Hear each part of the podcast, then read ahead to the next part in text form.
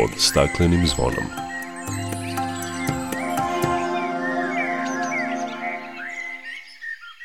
Dobar dan. Po običaju, nedeljni termin od 9.05 do 10 časova posvetili smo temama iz oblasti zaštite životne sredine u okviru emisije pod staklenim zvonom Radio Novog Sada. U narednih 55 minuta govorit ćemo o izgradnji hidroelektrane Buk Bijela, koja predstavlja zajednički projekat Srbije i Republike Srpske. U Srpskoj akademiji nauka i umetnosti održan je stručno naučni skup projekat Jadar, šta je poznato. Kakve projekte za ovu godinu je pripremilo Ministarstvo za zaštitu životne sredine, čućemo od ministarke Irene Vujović. Jedna od tema je i da li je kompanija Zijin ispoštovala odluke radne grupe vlade Srbije u cilju eliminisanja uticaja na kvalitet vode u reci Pek. Biće reči i o prvoj solarnoj elektrani u zapadnoj Srbiji i rešavanju problema zagađenja Velikog Bačkog kanala. U današnjoj emisiji pokušat ćemo da odgonetnemo zašto se više od 10 godina kasni sa sprovođenjem regionalnog plana upravljanja otpadom u Novom Sadu i još sedam opština. Pred krajem emisije čućete i prilog o zaštićenim prirodnim područjima u Srbiji, kao i razgovor naše novinarke Biljane Kuriš sa kandidatkinjom za najboljeg nastavnika sveta Veselom Mačkić. Nadamo se da je dovoljno razloga da ostanete uz program javnog medijskog servisa Vojvodine. Sa vama će se u narednih 55 e, minuta družiti za mix pultom Sabina Nedić i pred mikrofonom Ivan Nožinić. Dok priroda kraj nas plače Za vladarskim svojim tronom Tužno vele narikače Pod staklenim smo zvonom Znaj vazduha više nema. Sve manje je i ozona Protiv sebe ide čovek I to često bez pardona. Uništenju živog sveta Kao da su ljudi skloni. Čovek sam je Ovo zvono zvoni Uništenju živog sveta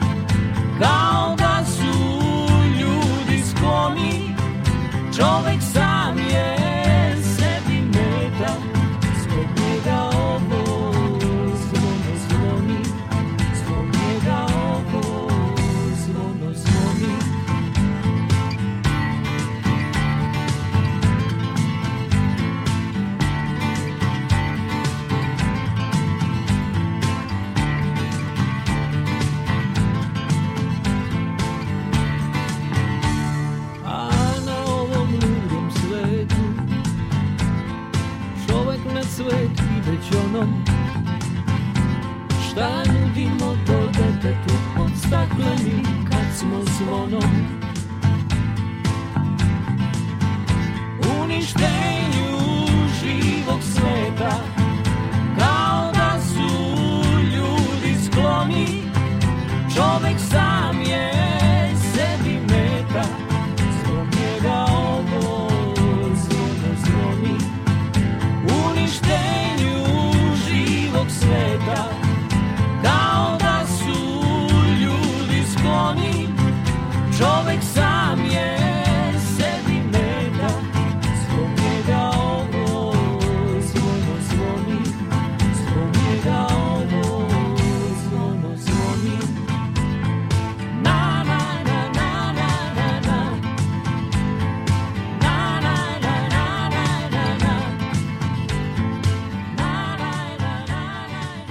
Ministarka rudarstva i energetike Zorana Mihajlović najavila je da će 17. maja biti položen kamen temeljac za hidroelektranu Buk Bijela, koja se gradi kao zajednički projekat Srbije i Republike Srpske saopšteno iz njenog kabineta.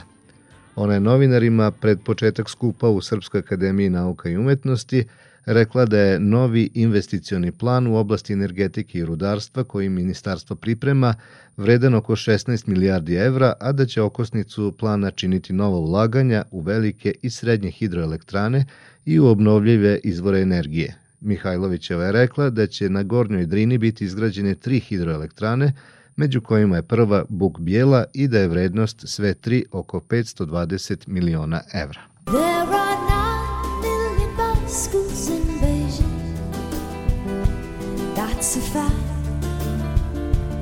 It's a thing we can't deny Like the fact that I will love you till I die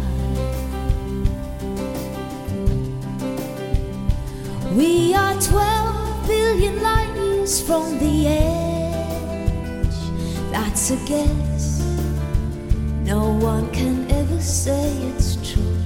But I know that I will always be with you.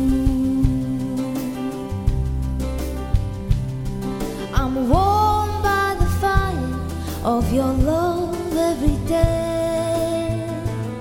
So don't call me a liar just believe everything that I say. There are six billion people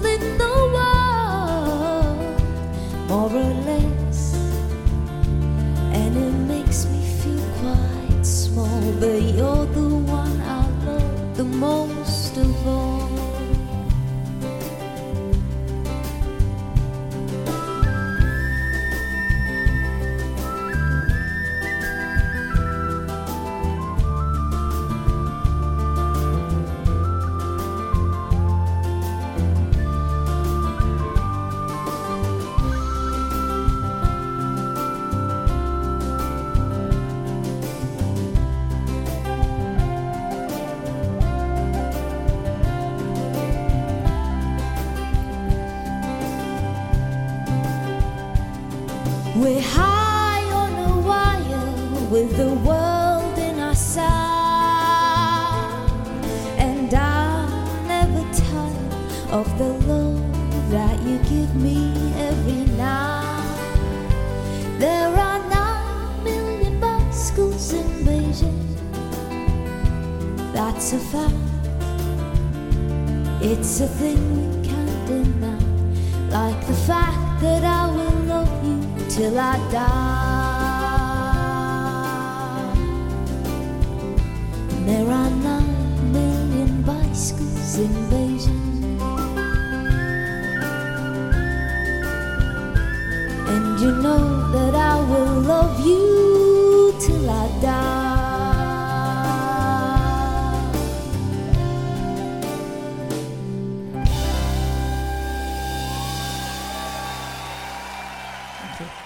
U Srpskoj akademiji nauka i umetnosti otvoren je stručno naučni skup Projekat Jadar, šta je poznato, o eksploataciji minerala jadarita, temi koja je već duže u žiži domaće javnosti. Ministarka rudarstva i energetike Zorana Mihajlović naglasila je na tom skupu da je cilj Srbije da rudarstvo i zaštita životne sredine ne isključuju jedno drugo. Pojedinosti Maja Stojanac. Ministarka Mihajlović govorila je o značaju projekta Jadar za energetski i tehnološki razvoj Srbije i ukazala da se tim projektom Srbija tretira kao aktivan učesnik u kreiranju globalne privrede. To ležište jadarita u Jadarskom basenu kod Loznice značajno je sa dva aspekta. Sa aspekta količine rude, jedno je od najvećih u Evropi, sa aspekta sadržaja litijuma, takođe jedno od najvećih. Zahvaljujući ovom prirodnom bogatstvu, Republika Srbija se visoko pozicionira kao strateški bitna zemlja na evropskoj i svetskoj karti kritičnih mineralnih resursa i da ne zaboravimo sigurno već danas jasno resursa budućnosti od kojih će zavisiti privrede svih razvijenih zemalja. Mihajlovićeva je rekla da će pri izvođenju ovog projekta biti korišćena nova inovativna tehnologija koja je u potpunom skladu sa principima zaštite životne sredine. Ministarka je ukazujući na važnost ovog projekta istakla da je neophodno da se govori o činjenicama, a ne o zabludama. U ovom trenutku niko od nas nema pravo da bude nemi posmatrač ili kritičar bez predloga za bolje rešenje. Svima nama, svim prošlim i generacijama koje treba da dođu, dugujemo da budemo aktivni učesnici razvoja novih tehnologija koje mogu biti jedna od budućih, možda najznačajnijih privrednih rezultata Srbije. Da li smo dovoljno bogata zemlja da se odreknemo prirodnog bogatstva koja može biti stup domaće ekonomije, pitanje je od velike važnosti, dodala je Mihajlovićeva, naglasivši da je litiju metal budućnosti od kojeg će zavisiti privreda mnogih zemalja. Za sve ekološke izazove postoje odgovarajuće rešenja, a moderno automatizovano rudarstvo doprinosi razvoju Srbije, tvrdi direktorka kompanije Rio Sava Vesna Prodanović, predstavljajući plan izgradnje rudnika. Šta ćemo izgraditi? Da krenemo od rudnika. Rudnik je duboki podzemni rudnik. Ovo naglašavam pošto često čujemo komentare da će na lokaciji biti otvoren kop na površini od hiljadu više hektara. Zato što su svi rudnici u litijumu u svetu površinski za sada, sa otvorenim kopovima, tako mišljenje vlade i ovde. Naš rudnik će biti podzemni, Ona je naglasila da će projekat biti izveden u skladu sa vrhunskom svetskom praksom i tehnologijom. Ispred Srpske akademije nauka i umetnosti demonstranti su organizovali protestni skup sa porukom Narod ne želi istraživanje i rudnik, najavivši da će Australijskoj ambasadi dostaviti protestno pismo u kojem zahtevaju da kompanije Rio Tinto, čije je sedište u toj zemlji, posluju u skladu sa našim zakonima i principima održivog razvoja. Učestvujući u raspravi, predsednik Akademskog odbora za životnu sredinu, ekolog Vladimir Stevanović, naglasio je da je odnos celokupnog društva prema životnoj sredini nezadovoljavajuć, te da su nemarno obhođenje prema okolini i nekontrolisano eksploatisanje prirodnih resursa odraz neznanja i duhovnog siromaštva. Zagađen vazduh, problem divljih deponije kao i otpadnih voda iz domaćinstava još su neki od problema koje treba rešiti. Stevanović je podvukao i to da odgovoran odnos prema prirodi podrazumeva skromnost, umerenost i racionalnost, a ne zabranu.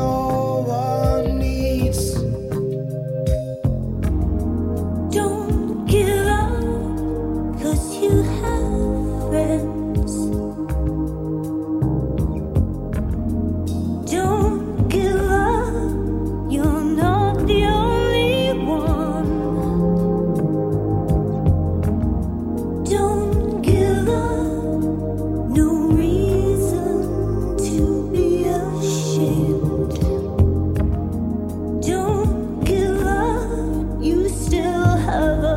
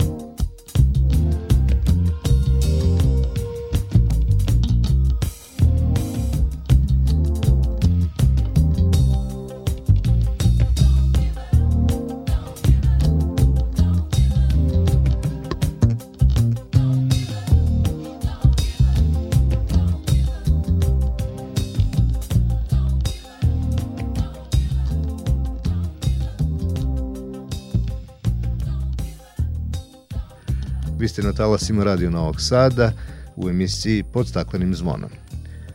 U cilju smanjenja zagađenja vazduha, Ministarstvo zaštite životne sredine će ove godine realizovati velike projekte za zamenu kotlova za grejanje i pošumljavanje, a ugovori o tome na osnovu konkursa koje je raspisalo ministarstvo potpisani su sa više od 50 gradova i opština. U proteklom periodu detektovani su najveći ekološki problemi u Srbiji, a ciljevi su podeljeni u tri grupe. Borba sa aerozagađenjem, upravljanje čvrstim otpadom i izgradnja fabrika za preradu otpadnih voda. Opširnije o rešavanju navedenih problema ministarka za zaštitu životne sredine Irena Vujović. Kada govorimo o aerozagađenju, e, svakako da nas čekaju i veliki projekti koje ćemo realizovati iz kredita Evropske banke za obnovu i razvoj, e, pre svega najveći projekat je Kragujevac, dakle zamena čitavog gradskog kotla e, koja će biti e, urađena dakle do kraja ove godine i to je ono što e, će biti kapitalni projekat i benefit za građane višestruki s obzirom da će aerozagađenje u tom gradu biti na minimumu, dakle ispod graničnih vrednosti, a isto tako će biti sanirano i pepelište koje se takođe nalazi u gradu Kragujevcu i koje predstavlja ve veliki problem stanovnicima. Kada govorimo o ministarstvu i konkursima koji su bili u prethodnom periodu vezano za aerozagađenje, tu uvek napominjem konkurs na koji su se odazvale brojne jedinice lokalne samouprave. Dakle, mi smo u ministarstvu formirali odeljenje za saradnju sa jedinicama lokalne samouprave i to se ispostavilo kao izuzetno dobro, pošto imamo svakodnevnu komunikaciju i zajednički sagledavamo koji su to problemi vezani za zaštitu životne sredine i koje treba u narednom periodu sanirati. Upravo su se i mnoge opštine i gradovi javili na konkurs koji je bio usmeren za aerozagađenje. Dakle, imali smo segment konkursa zamena kotlova na pravnim licima i dakle brojni gradovi i opštine su kandidovali osnovne škole, sportske centre, dakle kulturne kulturne objekte, e, objekte dakle zdravstva i to je ono što je što se radi u narednom periodu. E, dakle uslov je bio ugovoru da svi koji osvoje sredstva putem konkursa da pre svega priključak e, za građane bude ovaj besplatan, a takođe da se realizacija e, izvrši u ovoj godini. Dakle mi ćemo i sledeću grejnu sezonu imati znatno bolju situaciju u svim tim gradovima i opštinama kada pričamo o zagađenju vazduha. Jedan od najvažnijih konkursa koje je raspisalo Ministarstvo za zaštitu životne sredine je i onaj o pošumljavanju koji je posebno značajan za Vojvodinu, koja ima manjak površina pod šumama u odnosu na ostale krajeve Srbije. Za konkurs na pošumljavanje se takođe javilo mnogo jedinica lokalne samouprave, a insistirali smo da i opštine Vojvođanske takođe učestvuju, uzeli su ve, veliko učešće s obzirom na e, analize, a čak i neke kritike od strane Evropske komisije da Vojvodina nije dovoljno pošumljena. Tako da nadam se da ćemo do kraja ove godine imati sve te projekte realizovane. Ne da se nadam, prosto to je, to je obaveza i iz ugovora. Premijerka Ana Brnabić, ministarka energetike i rudarstva Zorana Mihajlović i ministarka zaštite životne sredine Irena Vujović pre nekoliko dana posetile su termoelektranu Kostolac B, gde su se uverile da novo postrojenje za odsumporavanje dimnih gasova već daje rezultate. Naime, emisija sumpor dioksida pala je čak ispod dozvoljenog nivoa evropskih standarda, što je sjajan podatak. Ovo je i jasna poruka kako se vlada Srbije odnosi prema zaštiti životne sredine i energetici. Naše dva ministarstva rade zajedno i naši ciljevi su zelena Srbija i zelena energetika. Pripremamo nacionalni plan za klimu i energetiku, kao i strategiju za energetiku do 2050. godine, naglasila je ministarka Zorana Mihajlović. Ona je istakla da se sve to radi kako bi Srbija imala zelenu energiju i do 2040. godine minimum 40% proizvedene energije iz obnovljivih izvora.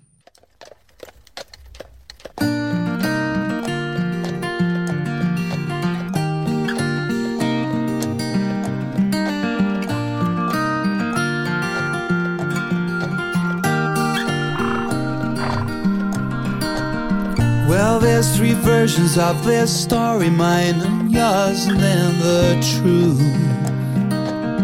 Now we can put it down to circumstance, our childhood, then our youth. Out of some sentimental gain, I wanted you to feel my pain, but it came back, returned to sender. To my tears could fill the outlet hall. Is this the sound of sweet surrender? What a shame we never listened. I told you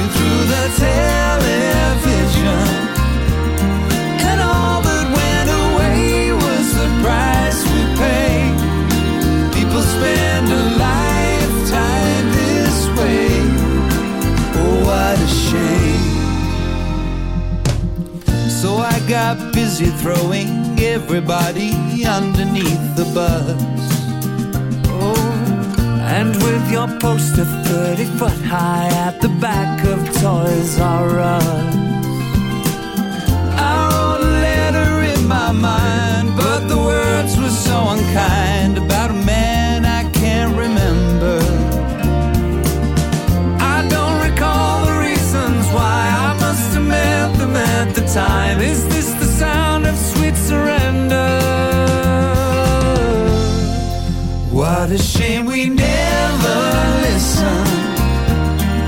Told you through the television.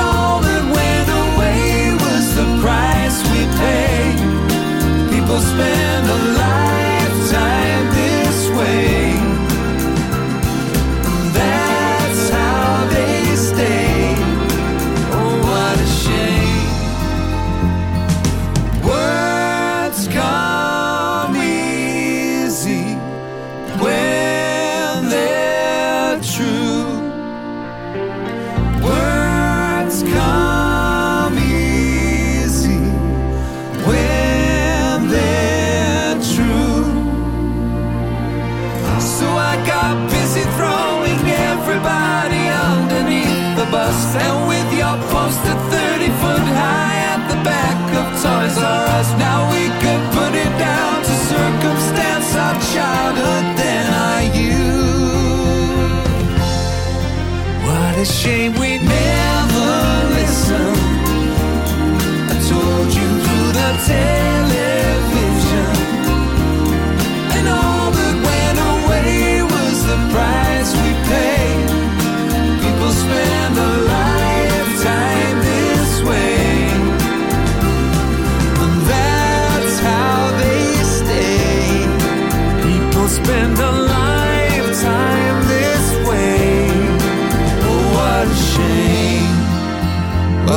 shame!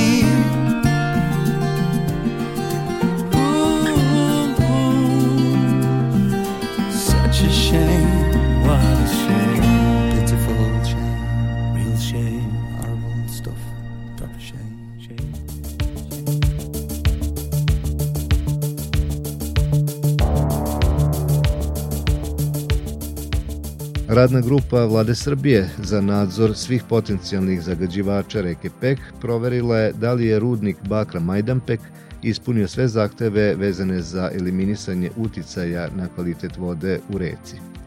Konstatovano je da je Serbija Ziđin realizovala naložene mere za povećanje efikasnosti prečišćavanja voda, saopštila je PR služba te kompanije. Ziđin je dobio i pohvalu za realizaciju projekta koji nije bio deo naloženih mera, a odnosi se na povrat 95% procesnih voda iz filtraže u pogon flotacije Majdanpečkog rudnika, navodi se u saopštenju. Kompanija tvrdi da je očistila postojeće taložnike za prihvat atmosferskih voda i izgradila nove za mehaničko prečišćavanje otpadnih zamuljenih voda, kao i za perionicu teških i drugih vozila. Iako to nije bila obaveza kompanije, od materijala koji se decenijama taložio očišćeno je i korito reke Mali Pek, i to u delu koji nije u rudničkoj zoni u dužini od skoro 300 metara, dodaje se u saopštenju. Kompanija ističe da je prihvatila i obavezu da izgradi još jedan dodatni taložnik kako je sugerisano prilikom kontrolnog nadzora, a preuzela i obavezu redovnog ispitivanja i vođenja dnevnika o kvalitetu otpadnih voda.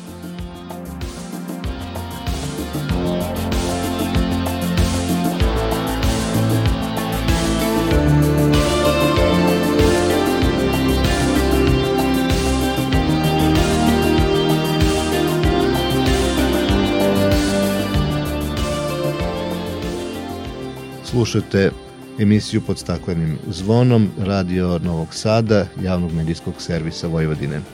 Globalna ulaganja u obnovljive izvore energije beleže snažan porast u svim sektorima. Ovakav način korišćenja snage vetra i sunca postaje sve zastupljenije i u našoj zemlji. Prva solarna elektrana u zapadnoj Srbiji za potrebe proizvodnje i prodaje električne energije postavljena je u Čačanskom selu Vranići. Više o tome Katarina Radulović. Prva solarna elektrana u zapadnoj Srbiji postavljena je u Čačanskom selu Vranići i napravljena je za potrebe proizvodnje i prodaje električne energije. Na ovom postrojenju montirano je oko 2000 solarnih panela snage 380 vati. Za Radio Novi Sad govori Saša Luković, elektroinženjer. To je otprilike neka potreba za nekih 100 domaćinstava. Znači oko 100 domaćinstva bi moglo u ovom okruženju da se napaja sa ove elektrane. I još jedna napojna mnogo bitna, znači ovo su paneli korišćeni 2015. Danas već imamo panele veće snage, znači danas su aktivni paneli već od 380-400 vati, tako da svako može za svoje potrebe na nivou kuće da montira znači 4-5 panela i time da omogući napajanje nekih osnovnih potrošača, rasveta, računari, rasklada, telefoni i tako dalje. Sve češće se velike kompanije odlučuju da instaliraju upravo solarne panele, a najčešći razlog je pre svega ekonomski kao i ekološki, kaže Luković. Ono što je bitno kada montirate panele i pustite u rad, vi bukvalno vi sledeći mesec imate benefit, znači imate neku uštedu na računima. Tako da efekat instalacije ovake opreme, da kažem, se vidi odmah po, po instalaciji. Nakon naučno-tehnološkog parka koji je na ovaj način započeo proizvodnju električne energije, dobrobiti i ulaganja u obnovljive izvore energije prepoznala je i čačanska privreda. Za Radio Novi Sad govori Mirko Pešić, vršilac dužnosti direktora Naučno-tehnološkog parka u Čačku. Radi se o iskusnim privrednicima i našim e, sugrađanima koji dugo godina se bave e, poslom i e, procenjuju dobro svoje korake, tako da je to već jedan realni pokazatelj da su solarne elektrane dobra investicija. Da će građani Srbije, bez obzira da li žive u kući ili stanu, već od leta moći da postanu proizvođači električne energije ako se odluče da instaliraju solarne panele, najavila je i ministarka energetike, čime će se proizvesti gotovo 10% energije koju sada dobijamo iz termoelektrana.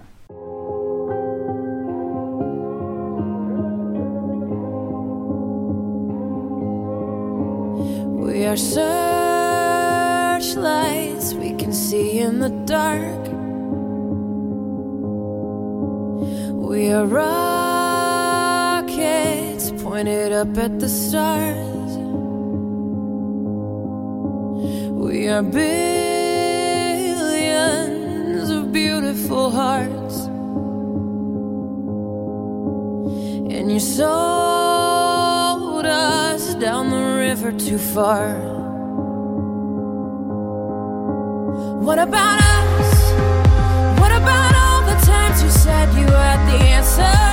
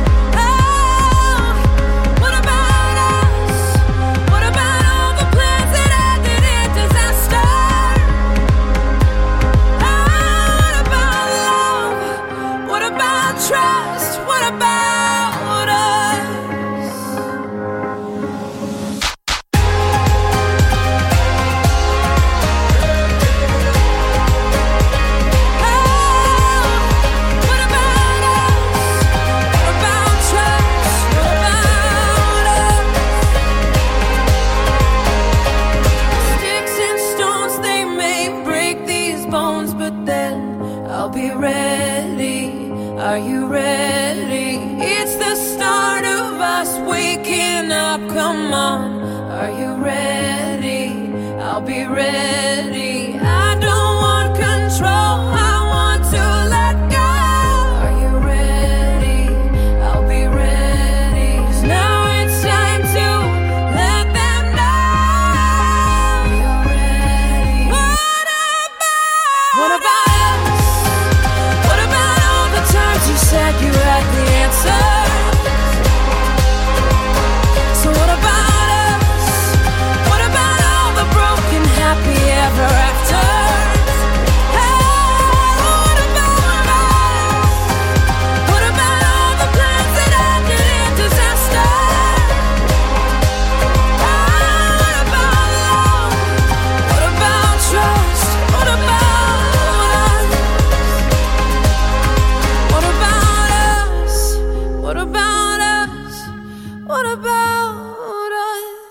Rešavanje problema zagađenja Velikog Bačkog kanala počelo je pre 12 godina izgradnjom centralnog postrojenja za preradu otpadnih voda. Reč je o velikoj investiciji u koju je Evropska unija uložila 23 miliona evra. Iako je postrojenje završeno, ono i dalje nije potpuno u funkciji. Više o tome šta je potrebno još uraditi da bi prečistač otpadnih voda mogao održivo da radi i kako bi počelo čišćenje Velikog Bačkog kanala, Dragana Ratković. Početkom novembra prošle godine istekao je ugovor prema kojem je radom centralnog postrojenja za prečišćavanje otpadnih voda u Vrbasu rukovodila francuska kompanija Veolia Srbija, koja je ostala da radi na postrojenju i naredna tri meseca. Prema rečima predsednika ekološkog pokreta Vrbas, Ratka Đurđevca, prečistač trenutno radi sa umanjenim kapacitetom, prerađujući otpadne vode koje stižu iz kanalizacije u Vrbasu, Kuli i Crvenki, a zbog nedostatka novca za rad prečistača on trpi određene negativne posledice. Raditi bez resursa u smislu najviše hemikalija uticalo je da se neke stvari oštete, odnosno da prečistač pretrpi određene negativne posledice. Voda u prečistaču nije se prečišćavala i hemijskim, već samo biološkim. Bakterije su radile istina svoj posao. Mulj nije odlazio u kanal, on se taložio u tim bazenima, međutim u potpunosti čišćenje se nije obavljalo. Javno komunalno preduzeće Komunalac koje se bavi odvođenjem otpadnih voda umreženo je sa poslovanjem zajedničkog javnog komunalnog preduzeća Prečistač Vrba Skula, čija je delatnost prečišćavanja otpadnih voda. Ceo proces prečišćavanja veoma je komplikovan i složen jer su potrebni određeni tehnički preduslovi da bi voda koja se ispusti u kanal imala odgovarajući kvalitet. Iako se u javnosti govori da prečistač ne radi, to nije tačno, tvrdi direktor komunalca Igor Škundrić. On kaže da je do sada urađeno mnogo i čine se veliki napori lokalne samouprave i javnog sektora da prečistač u potpunosti funkcioniše. Kad kažem u potpunosti, to znači da on sad trenutno funkcioniše, dakle imamo povećan kvalitet otpadnih voda koje se prečišćavaju u odnosu na one otpadne vode koje ulaze u sam prečistač. Do duše potrebno je poboljšati sam hemijski proces prečišćavanja otpadnih voda i na tome se uveliko radi. Dakle, prečistač, kako smo imali prilike da čujemo ranije i pročitamo nekim medijima da je on napušten, to nije tačno. Znači sve vreme se otpadne vode prečišćavaju. Sad se tamo nalaze ljudi koji vrše i defektažu celog sistema prečišćavanja otpadnih voda da vide da li sve funkcioniše kako treba i da li eventualno neko ko je ranije upravljao prečistačem obavljao sve kako treba i nalaze se ljudi operateri koji su prošli obuku i koji upravljaju samim prečistačem. Da bi prečistač otpadnih voda u Vrbasu počeo održivo da radi, potrebno je obezbediti veće količine otpadnih voda, pa mnogi smatraju da je to postrojenje predimenzionirano. Neko ko je projektovao samo postrojenje proračunao je da ono treba da bude to kapaciteta smatra Škundrić i dodaje da iako prečistač trenutno radi smanjenim kapacitetom sa manje otpadnih voda, on funkcioniše normalno. Ono što je bitno jeste da je i opština Kula povezana cevovodom sa prečistačem koji se nalazi u Vrbasu i ono što jeste najbitnije da eto imamo obezbeđene sredstva od strane Ministarstva zaštite životne sredine za izgradnju kanalizacijone mreže koja nije dovršena dakle u svim selima. Ima dakle obezbeđena sredstva da se završi celokupna kanalizacijona mreža i onda će se i, i sela povezati sa Vrbasom tako da će biti još povećana količina otpadnih voda. Što bude više otpadnih voda naravno da će biti određenih pogodnosti za sam rad prečistača će moći da proizvodi i više gasa i samim tim i da štedi više energije. Tako da svaki korisnik dodatni znači za sam prečistač, ali ono što je najbitnije jeste da pored e, građana priključimo privredu i industriju. Pregovori su uveliko u toku, jer svi, hteli da priznaju ili ne, imaju tu ekološku svest da ne sme više da se zagađuje veliki bački kanal, jer prečistač je pre svega napravljen zbog toga da bi se mogao čistiti veliki bački kanal, dakle te kad se otpadne vode prečiste, onda da se upuste u, u Veliki Bački kanal. Kada je pre 12 godina počela izgradnja prečistača, tada su svi bili svesni da će se morati plaćati prečišćavanje otpadnih voda, jer održavanje postrojenja košta. Prema računicama godišnji troškovi centralnog prečistača su oko 130 miliona dinara, a bit će lakše pokriveni kada se na prečistač priključe industrijski pogoni kao i domaćinstva preko kanalizacionih mreža u selima i kada kada za to budu plaćali troškove prečišćavanja. Predsednik opštine Vrbas, Predrag Grojević, kaže da se lokalna samouprava posebno angažovala da prečistač radi. Što bude više vode na prečistaču, biće i niža cena njenog prečišćavanja. budžetom lokalne samouprave smo opredelili sredstva u iznosu od 15 miliona dinara kao subvencija na prečistaču samim tim da bi onaj prečistač ne funkcionisao kako treba, a s druge strane da bi i obaveze građana samom subvencijom lokalne samouprave umanjili. Iako je studijom ekonomskog fakulteta bila predviđena cena od 38 dinara, iz tog razloga su dve lokalne samouprave svojim učešćem i sredstvima koje su opredelile svojim budžetom umanjile tu cenu, tako da će cena za građane biti 20 dinara plus PDV. S druge strane, činimo sve kako bi sam prečistač funkcionisao u punom kapacitetu. Pripremili smo i završili potpunu projektnu tehničku dokumentaciju vezano za tri naseljena mesta, to je Ravno selo, Zmajevo i Bačko Dobro polje, ishodovali građevinske dozvole i, i predali višim nivoima vlast. Očekuje se da će naplata prečišćavanja otpadnih voda početi za dva meseca, što bi omogućilo da se normalizuje rad prečistača. Kada svi budu priključeni na centralno postrojenje, kada se otpadne vode budu prečišćavale i čista voda bude ispuštala u kanal, to bi konačno uverilo i predstavnike Evropske unije da se lokalne samouprave maksimalno odgovorno odnose prema njihovoj investiciji i da konačno bez zadrške nastave podršku u realizaciji poslednje faze remedijacije Velikog Bačkog kanala, njegovo čišćenje. Tada bismo mogli da kažemo da je problem Velikog Bačkog kanala rešen.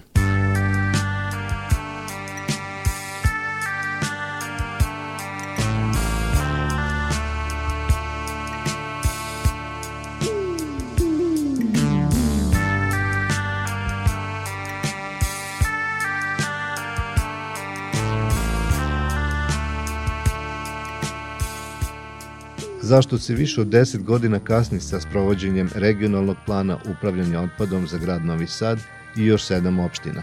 Šta je potrebno uraditi da bi regionalna deponija u najvećem vojvođanskom gradu počela da funkcioniše? O tome je bilo reči na završnoj konferenciji projekta Zelena deponija, koji je Udruženje za zaštitu potrošača Prosperitet realizovalo uz podršku Evropske unije. Sa predsednikom tog udruženja, Radomirom Ćirilovićem, razgovarala je Milijana Kočić. Koje aktivnosti je obuhvatio ovaj šestomesečni projekat i sa kojim ciljem? Opšti cilj projekta dakle je unaprijediti sistem primarne separacije komunalnog otpada na teritoriji grada Novog Sada i opština obuhvaćeni regionalnim planom upravljanja otpada grada Novog Sada, opštine Beočin, Temerin, Vrh, Vrbac, Žabe, Srbobran, Bačka Palanka i Bački Petrovac. Zašto smo se opredelili baš za, za ovaj projekat koji se zove Zelena ovaj deponija? Zato što je poznato u javnosti da je planirana regionalna deponija za ovi sedam opština i grad Novi Sad još davne 2010. godine i da se ništa po tome nije uradilo. Mi smo sagledali akcioni plan za implementaciju plana upravljanja otpadom i videli šta je trebalo da se uradi u 2020. i šta se planira za naredne godine da se uradi. U 2020. godine je bilo predviđeno značajni pet aktivnosti od strane ovaj, donosioce odluka grada Novog Sada i sedam opština koje sam nabrojao. Onda smo analizirali ove šta treba da se radi i zašto do sada to, to nije u dovoljnoj meri urađeno. Posle toga planom generalne regulacije regionalne deponije i dalekovoda trafostanica 3 i 4 u katarskoj opštini Novi Sad obuhvaćen je lokalitet regionalnog centra za upravljanje otpadom za grad Novi Sad i pomenuti sedam opština. I kada smo videli da je tu planirano da se u stvari gradi regionalna deponija kod postojećeg smetlišta. Naravno da se građani bune zašto to tu i onda smo izučavali i onda smo rešili da upravo taj projekat reagujemo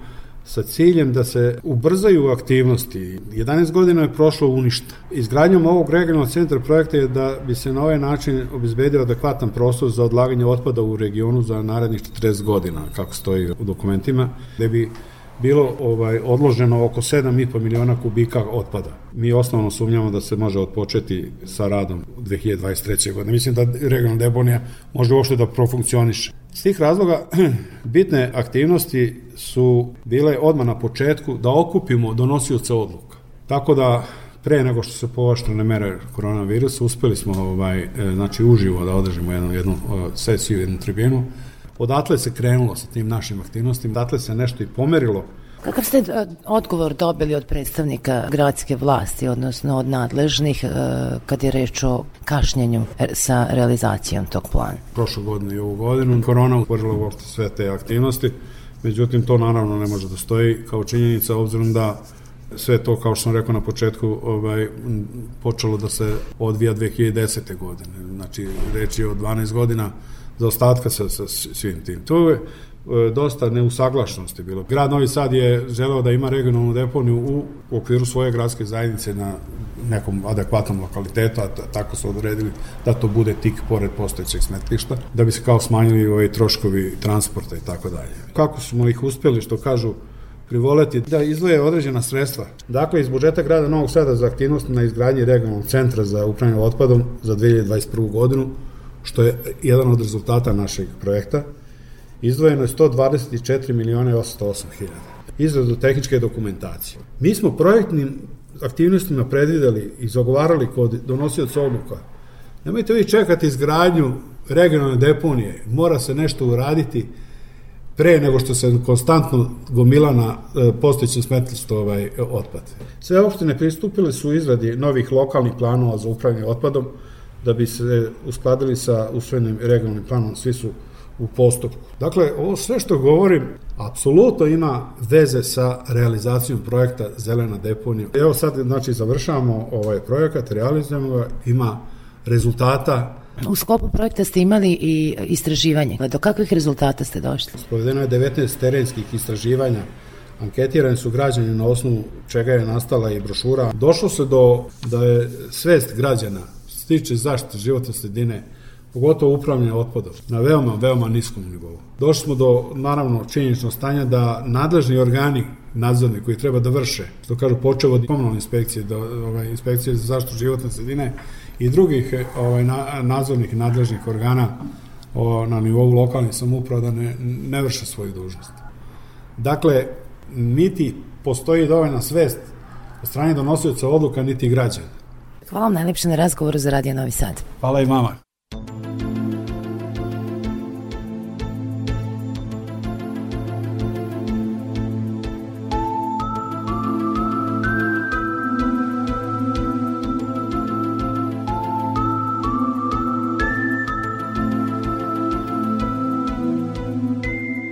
Svoj posao ne smatra obavezom, niti misli da svoje vreme van nastave, a u aktivnostima sa decom troši uzalud. Svaki trenutak koristi da nauči nešto novo što bi joj unapredilo rad sa decom. Nagrađivana više puta za doprinos u nastavi i poboljšanju van nastavnih aktivnosti. Zalaže se za očuvanje životne sredine i učestvuje u svim ekološkim radionicama u okruženju. Ove godine kandidovana je za najboljeg nastavnika sveta – Reč je učiteljici u osnovnoj školi Ivan Gundulić u Novom Sadu, Veseli Mačkić. Opširnije Biljana Kuriš. Ovogodišnji najbolji edukator Srbije, Vesela Mačkić, prepoznatljiva je po organskoj bašti, koju je sa svojim učenicima podigla u dvorištu škole na Čeneju, nadomak grada. Međutim, sve je ipak počelo sa zdravom hranom, projektom usmerenim na zdravu ishranu učenika u školi. Ideja počela od toga što sam videla šta deca donose u školu, da jedu zapravo sve te nezdravu hranu, Coca-Cola, croissant i tako dalje. Imala sam i učenicu koja je uh, diabetičar i to tip 2 i o, zapravo ona se prvi put i susrela sa situacijom da deca stalno donose hranu, oni u vrtiću to nisu imali i ona nije imala izazova, to je prirode i onda je konstantno dolazila kući sa visokim šećerom i onda smo negde pravili balans kako sada to da pomognemo i njoj, a i da prosto deca donose zdravu hranu, pa smo krenuli od toga da ja donosim zdravu hranu, ali nema to efekta. Imate kod 5-6 učenika, a njih ima 22. I onda smo neku našu malu bašticu napravili, dakle imali smo sjajne uslove, veliko dvorište, neuređeni deo dvorišta je zapravo bio koji smo sredili. Vesela ističe da je u realizaciji projekta Organska bašta imala sreće. Nalazila se u maloj školi sa velikim dvorištem. Očekivana podrška od tadašnje direktorke i roditelja nije izostala, a nju je pokritala energija dece željnih znanja. Kada sam i počinjala tamo neki taj svoj projekat i zdrava užina i to, ovaj, meni je puno značila podrška roditelja i e, podrška kolega u tom nekom momentu, ali verujem da sam recimo možda tada radila u nekoj gradskoj školi, malo pri gradu, da bi mi to bilo puno teže. Tako da sam s te strane imala sreće, jer Čene je i dosta prostran, veliko je dvorište, imala sam sjajne i uslove da realizujem ono što sam, što sam zamislila. Oni su istraživali tržište, gledali koje biljke žele da gaje, koje će se biljke prodavati, smišljali proizvode, onda su pravili logo, pa smo imali i takmičenje za najbolju logo škole, organske bašte, pravili su sami pakovanje od reciklažnog materijala, snimali su reklame za svoje proizvode, plasirali prikupljali novac koji su kasnije ponovo vrteli u toj bašti za kupovinu semena i kupovinu, imali kontakt sa organskim proizvođačima, Čene je poznat po organskim proizvođačima, dakle i to je opet benefit zajednice.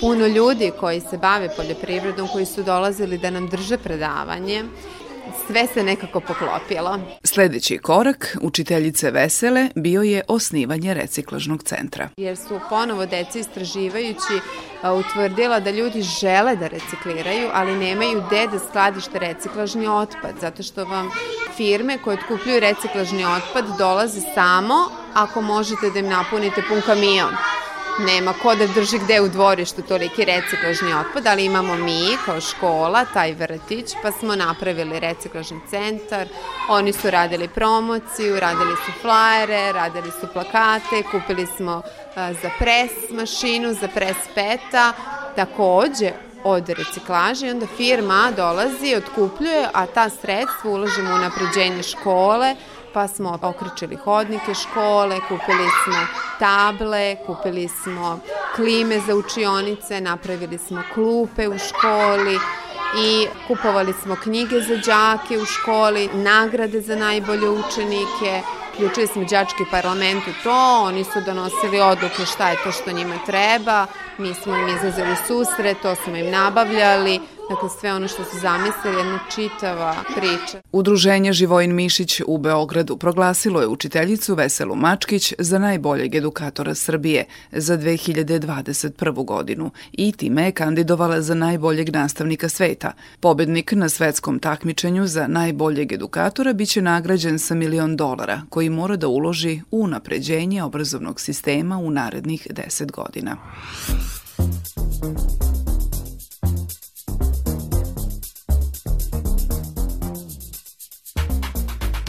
Nadamo se da ste u proteklih 55 minuta saznali sve ono što je trenutno aktuelno u oblasti ekologije.